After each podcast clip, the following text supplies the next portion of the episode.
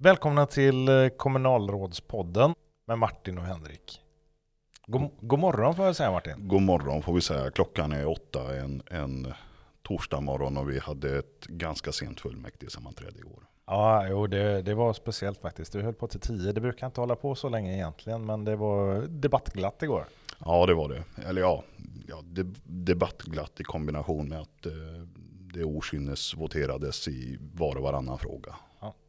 Själv var jag uppe klockan fem i morse. Vi har ungar som simtränar så det ska skjutsas. Jag är ju normalt en morgonmänniska jag med, men, men jag lyckades eh, bryta min trend och sitta till halv två på natten och, och skriva svar på frågor till Bohuslänningen. Så att jag, jag ligger kort på sömnen nu. Men jag har upptäckt en kulturskymning. Jag var förbi eh, stuveribaren, skulle käka frukost. Mm. Öppnat för en åtta. Vad är, vad är det här liksom? Nej, men, äh, det är en nackdel men det är väldigt bra frukost där. Ja, jo men eh, kan man inte få den när man ska äta frukost klockan sex på morgonen då? De får ju någonstans orientera sig efter hamnens schema. Det är, det är så det är. Det är marknaden som styr menar du? Det är marknaden som styr. Ja du Martin, det var en stor snackis var ju Bohuslänningen och eh, ett nytt industriområde vid Bjursjön. Vad har vi att säga om det? Vi kan väl säga att det har blivit väldigt mycket kommentarer på Bohuslänningens Facebook-sida. Mm. Det ser man. Mm. Grejen är ju den att folk tror att nyhetsmedier är objektiva. Men det är ju inte deras jobb. Alltså nyhetsmediers jobb är att sälja prenumerationer. Och visst, det, det kan ju vara kul att det liksom sträva efter att vara objektiv, men det är ju inte deras huvudsakliga mål. Deras huvudsakliga mål är ju att ge underhållning. Sälja. Ja, ja, men, ja men precis. Och lika mycket som politiken är beroende av konflikter så är ju tidningar också beroende av konflikter. Så, men, och finns det ingen konflikt, ja då får man ju liksom regissera den. Så är det. Eh, och nästan varje gång som någon har varit med om någonting som skrivs om i media eller talas om på tv eller liknande så undrar man ju, är det samma grej vi har varit med om? Mm. Jag känner igen den känslan. Ja, och, och, när man sen sätter sig in i saker och ting som man hör om på media. Jaha, var det så det var? Liksom. Och, och, just artikeln om eh, industriområdet på, på Bjursjön så som det har framställts eller kanske mer korrekt utvecklingen av Lillesjö industriområde sätter ju verkligen fingret på just det exemplet. Mm. Ja, för bakgrunden var ju den att Lillesjö industriområde ska expandera mm. väster om 172an. Ingen politisk fråga egentligen. Det är ju någonting som har jobbats med under olika majoriteter under, under väldigt lång tid. Eh, och sen säger Bohuslänningen att det är ett nytt industriområde precis vid Bjursjön. Och då vaknar ju Gunnar Claesson till, han som har Uddevalla-bloggen, och skriver ett blogginlägg där han lägger upp en karta och så säger Vad menar ni Bohuslänningen? Det är inte ens i närheten av Bjursjön. Alltså man, man, har jobbat mycket med den grafiska bildsättningen. Det är bilden på Bjursjönstugan och det är bilden på sjön. Och så, och så drar man den här, eller försöker att dra den här kopplingen. Mm. Så att det, det är givet att väldigt många reagerar. Ja, men varför gör man, alltså har man inte riktigt förstått att medias roll är ju inte egentligen att i första hand sälja sanningen. Deras roll är ju att ge underhållning. Och finns det ingen konflikt så finns det liksom inget nyhetsvärde, då är det inte intressant. Då är det lika eh, ospännande som att läsa kommunens hemsida. Liksom. Så är det. Och, och, och någonstans så känns det som att det finns ändå så väldigt mycket att skriva om. Det finns väldigt många konflikter om man om man letar upp dem. Det finns väldigt mycket att skriva om. Men just konstruerandet av konflikterna, alltså de konstlade konflikterna som inte finns. Mm. Det jag beklagar det, men jag tror nog att det, det sänker trovärdigheten. Mm. Men, men, politiken är ju lika beroende av regisserade konflikter som, som media är. Vi kan ju ta som exempel det här med kommunens priser. Mm. Historiken är ju för att för två år sedan så var det en medborgare som skrev in till kommunen och gav ett medborgarförslag om att man skulle inrätta ett naturpris. Ehm, och då säger förvaltningen att vi tycker nog egentligen att det här är en rätt dum idé därför att vi har redan idag väldigt många priser. Det går inflation i dem och då urholkas liksom värdet av dem. Vi har svårt att hitta pristagare. Och då säger ju Jarmo Uusitalo, för Miljöpartiet, då lägger han ett yrkande på sittande bord i kommunstyrelsen. Där han säger det att vi, jag vill att vi ger ett uppdrag till förvaltningen att eh, minska ner priserna. Slopa alla priser, samla dem till ett eller två priser. Typ gjort någonting bra för, för kommunen. Men före det så inför man föreslaget pris som medborgare. en sista sup, sen så ska man bli nykter. Alltså det, man känner igen det. Men det här var ju en enhällig kommunstyrelse som ställer sig bakom. Och he hela förvaltningen jobbar ju då sen mot det här hållet. Och sen så kommer man fram, skriver man fram till, till kommunfullmäktige att ja, men nu, vill vi, nu vill vi lägga ner alla priserna här och så kommer vi tillbaka med ett förslag på ett eller två priser. Eh, och då blir det ju först en minoritetsåterremiss. Mm. Därför att, Socialdemok för att Socialdemokraterna vill ju veta vad, vad är det för nya priser då. De, de vill ju ha kontrollen över den processen. Och sen kommer det ju fram ett förslag med, med två nya priser. Och i, i grunden är ju egentligen alla överens om mm. att det är hitåt man ska gå. Det har man i vart fall sagt tidigare. Men helt plötsligt så inser man att vi behöver en konflikt här. Och då hittar man på att ja, men, vi, vi vill vara säkra på att det här priset ska kunna ges för till exempel en jämställdhetsinsats. Eh, och så svarar förvaltningen då som har gjort det här nya priset, ja men det går alldeles utmärkt att genomföra, eh, ge det till någon som har gjort en jämställdhetsinsats. Eller eh, person, förening, det, det, det, är alltså, det är en oerhört flexibel och bred grund som, som förvaltningen skriver fram. Mm. Och och sen står man ändå i fullmäktige och argumenterar emot precis det som man har beställt. Mm. Därför att man behöver ha konflikten. För annars är man liksom meningslös som opposition. Man måste visa att man gör något. Det är svårt att jobba i en sån organisation. Det, det är det. Om, om man inte förstår liksom det politiska spelet som ligger bakom det. Ja men precis. Och, och då är det viktigt att lyfta det och, och, diskutera så som vi här och nu gör. Mm. Um, vi hade en artikel som publicerades på Bohuslänningen i, idag. Där man listar en massa saker som man säger att eh, ja, nu gör majoriteten det här och det här och det här. Och det är en lång, ett långt pärlband av saker som majoriteten ändrar på eller tar bort. Eh, Fairtrade är en sån sak. Vad har vi att säga om Fairtrade? Fairtrade är ju en, en eh, vad ska vi säga, speciell rättvisemärkning eftersom den urskiljer sig mot alla andra rättvisemärkningar som finns. För där, eh, där eh, vad ska man säga, högvidhåller man eller eh, ger ju ett diplom till bonden som eh, levererar schyssta produkter. Men Fairtrade är ju uppbyggt på det sättet att man premierar köparen och tilldelar köparen ett diplom som skulle kunna hänga här på, på stadshuset. Så att det, det är ju en, det är en smal nisch i det stora hela bland de rättvisemärkningar som finns. Mm.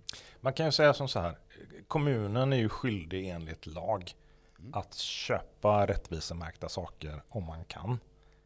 Det är en ganska ny lag.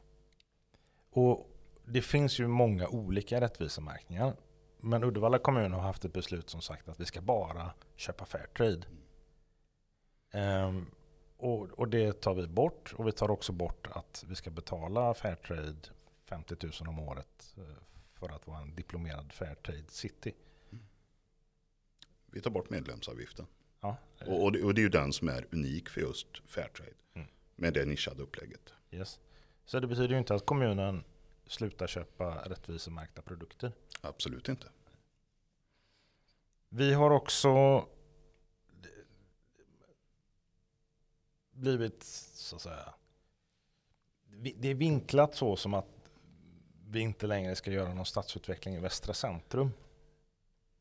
Eh, och den, den är ju jätteintressant nu sett till vad vi ser i våran omvärld. När eh, Trollhättans stad drar i handbromsen för, för Vårvik. Lidköping har dragit i handbromsen för för sin, för sin stadsutveckling och när vi ser att vi riskerar att gå samma öde till mötes i Uddevalla så försöker vi att agera för att undvika just det och kunna eh, upprätthålla utvecklingen av våran stad. Men, men, kan du förklara åtminstone så jag förstår hur funkar stadsutvecklingsprocessen? I, hur, hur var det tänkt liksom innan du och jag kom in i bilden? Liksom? Alltså, som, som det funkar idag så, så jobbar ju kommunen med det planmonopolet som man besitter. Vi tar fram eh, planprogram, vi tar fram detaljplaner. Eh, det som skiljer sig, eller det som är föremål för ett vägval här, det är att Uddevalla kommun ser framför, framför sig att man sitter i förarsätet till det absoluta slutet. Det vill säga att Uddevalla kommun sanerar och Uddevalla kommun bekostar genom skattemedel för att en, en grävmaskin lastar förorenade massor på en lastbil som åker till Sakab. Och när vi står där med en fullt färdig byggrätt som är utformad enligt hur vi ser på saker och ting då ser vi framför oss att vi kan sälja den till någon som sen ska exploatera det här området. Någon som kan bygga bostäder eller annat här. Uddevalla kommun har ju inte gjort den här typen av omfattande projekt tidigare. Men det har ju stora delar av det privata näringslivet. De har gjort detta för att i andra kommuner så har man vänt på den här processen. Man har kopplat in slutkunden i ett tidigare skede. Man har kunnat få dem till att förvärva fastigheten med ett tydligt avtal eh, med tydliga förbehåll om bebyggelseskyldighet eller vad som händer om man inte följer det. Och så har man involverat den slutkunden i ett sådant skede att de kan vara med och bidra med den erfarenheten som de har upparbetat i andra stadsutvecklingsprojekt i andra städer. Och det får erkännas att alltså erfarenhet bygger ju kunskap över tid. Om man besitter kunskap om vad marknaden vill ha så att man får en bättre slutprodukt. Och, och, och skillnaden blir ju någonstans också att i och med att du gör affären i ett tidigare skede så sker den ju till ett lägre pris. Vilket innebär att kommunen slipper att eh, bygga upp en så stor skuld för att färdigställa det eh, i ett slutskede. Och det är ju där vi brottas just nu lite grann med skuldmassa för eh, hela eh, utvecklingen av all kommunal verksamhet plus våra aktiebolag. Mm. Men det finns en grej till med detta. Och det är ju, alltså, lagen styr ju hur en kommun får använda sina pengar. Vi får inte gå med underskott till exempel. Eh, och nästa år, vilket vi har sett, så går ju alla kommuner med ett hejdundrande brakunderskott. Därför att skatteintäkterna motsvarar inte kostnaderna plus inflationen. Eh, och ska vi göra en rivning eller ska vi göra en sanering så måste vi ta den som en kostnad innevarande år. Vilket betyder att eh, vi, vi, vi, nu lägger vi ett nollresultat nästa år. Vi är väl den enda kommunen i landet typ som gör det. Ja. Alla andra lägger ett minusresultat. Men, men hade vi tänkt göra en rivning eller en sanering för sig 100 miljoner under nästa år. Då hade vi varit tvungna att säga upp lärare motsvarande de 100 miljonerna. För att, vi inte, för att då skulle vi annars gå med underskott. Och det funkar ju inte. Vi, vi, kan ju inte sluta göra kommunal verksamhet bara för att vi vill utveckla staden. Så då måste vi hitta något annat sätt att göra det här på. Och antingen, så alltså, vi måste ju så att säga flytta ut de här kostnaderna från kommunens budget för varje år. Så att antingen gör vi det ett kommunalt bolag eller så gör vi det eh, på så sätt att vi hittar en partner, mm. något av de stora byggbolagen som tar de här kostnaderna åt oss mot en vinst längre fram. Mm. Så, alltså vi, vi, det är absolut nödvändigt. Det, det, är svårt att bedriva stadsutveckling i kommunal förvaltning sett till de begränsningar som finns. Mm. Det är ju redovisningsreglerna. Så var inte redovisningsreglerna för då fick vi ju så att säga, ta de här investeringarna så fick vi ju lägga dem som en tillgång i kommunens balansräkning istället. Komplicerat. Ja, det är jättekomplicerat. Men, men, men i det stora hela tanken är någonstans att, att om vi vänder på processen och, och försöker att involvera, involvera slutkunden i ett tidigt skede så finns det många fördelar med det. Mm. Ekonomiskt och, och eh, utfallsmässigt. Och en vi, bättre produkt. Precis, och vi slipper säga upp lärare för att utveckla staden. Precis. Det sägs också att vi gör inga satsningar på skolan nästa år. Den, den, den, den förstår jag inte alls. Alltså jag, det som du säger att vi, vi sticker ju ut i den bemärkelsen att vi inte går med underskott eller presenterar kraftiga nedskärningar i budgeten för nästa år. Vi hade ju en, en eh, planerad sänkning utav förutsättningarna för, för skolan nästa år i den flerårsplan som, som föregående majoritet hade antagit. Eh, och vi valde att stryka den eh, sänkningen av den ekonomiska ramen helt. Och så gjorde vi istället en, en mindre satsning just för att kunna upprätthålla. Så jag är totalt oförstående till bakgrunden till det som står i tidningen. Mm.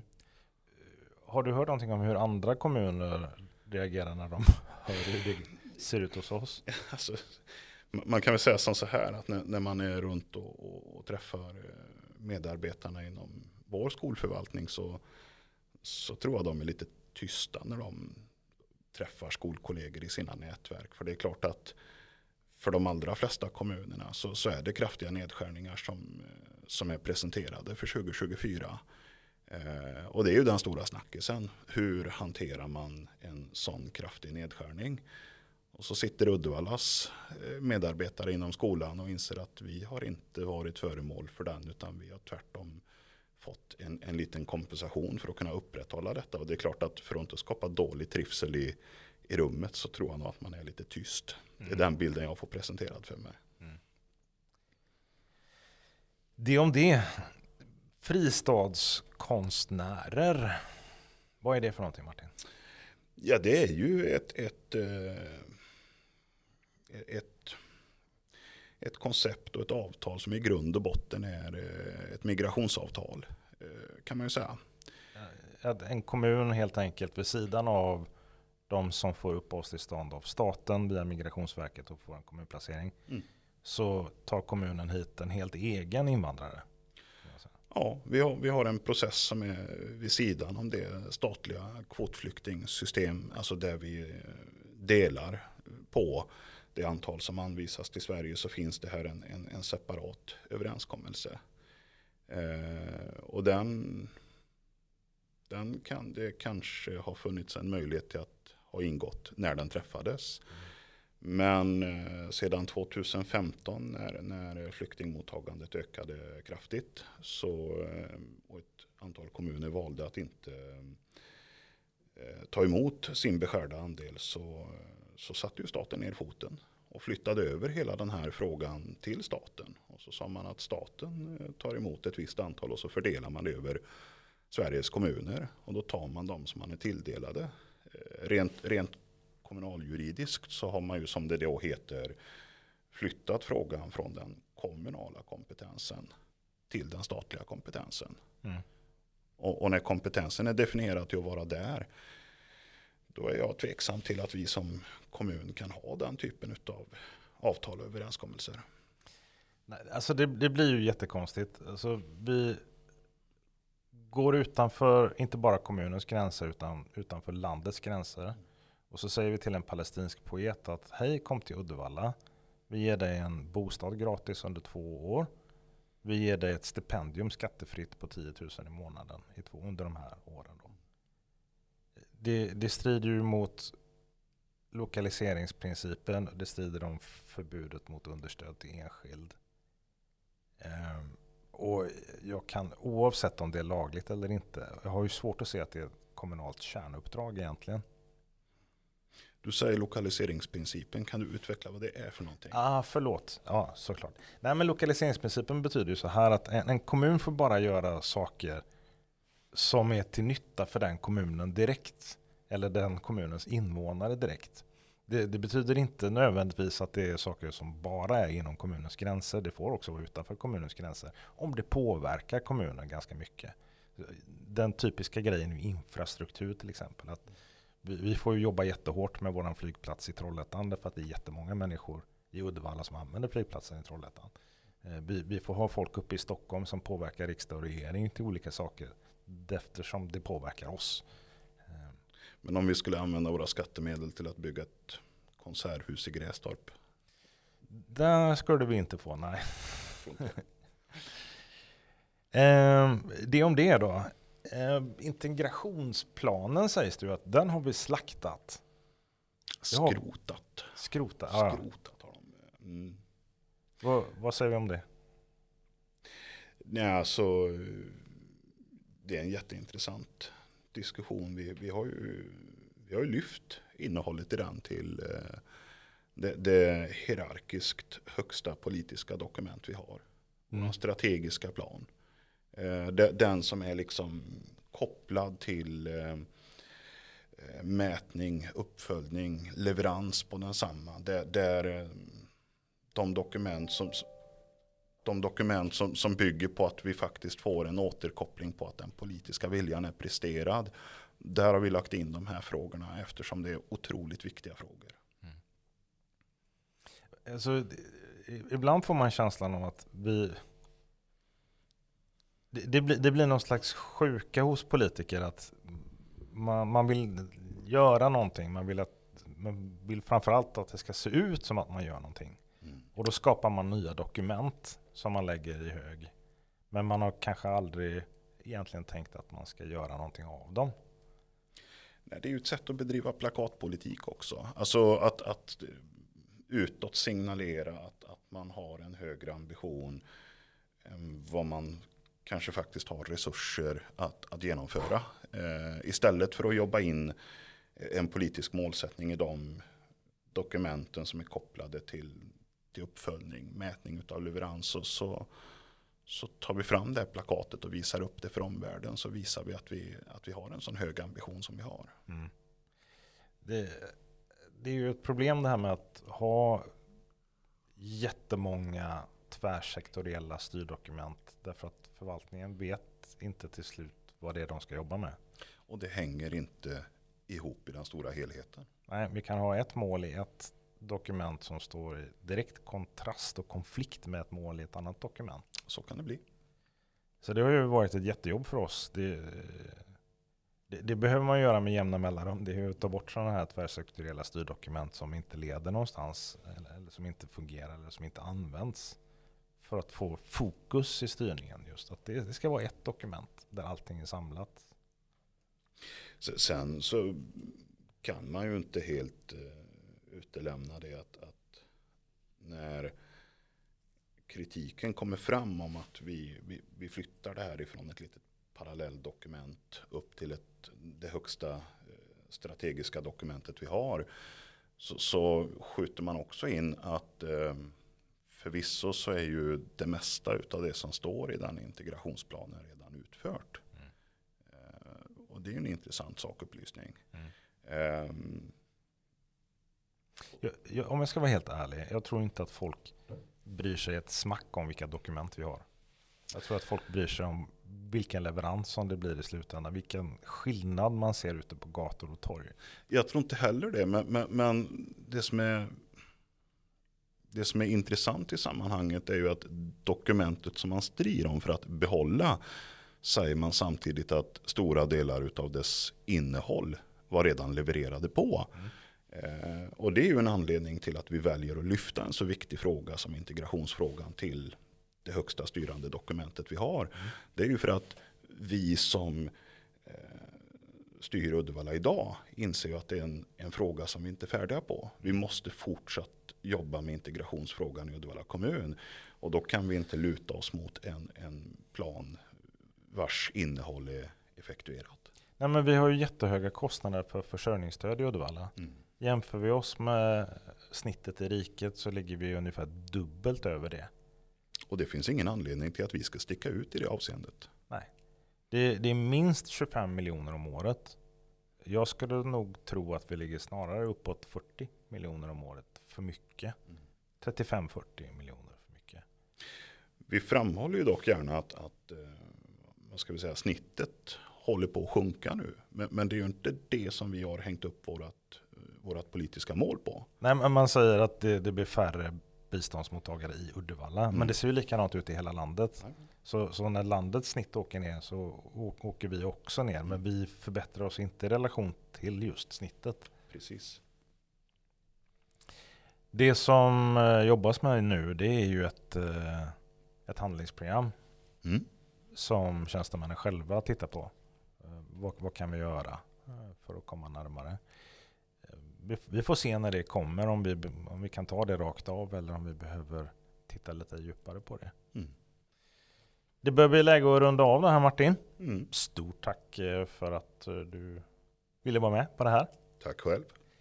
och tack alla som har lyssnat. Och saken är ju den att vi vill ju ha inputs ifrån er. Vi vill ju att ni skriver till oss. Vi vill att ni talar om vad, vad ni vill höra.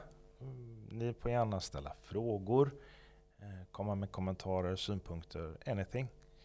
Eh, så mejla oss. Eh, du når Martin på martin.pettersson uddevalla.se och mig på henrik.sundstrom uddevalla.se. Tack för oss så länge. Tack.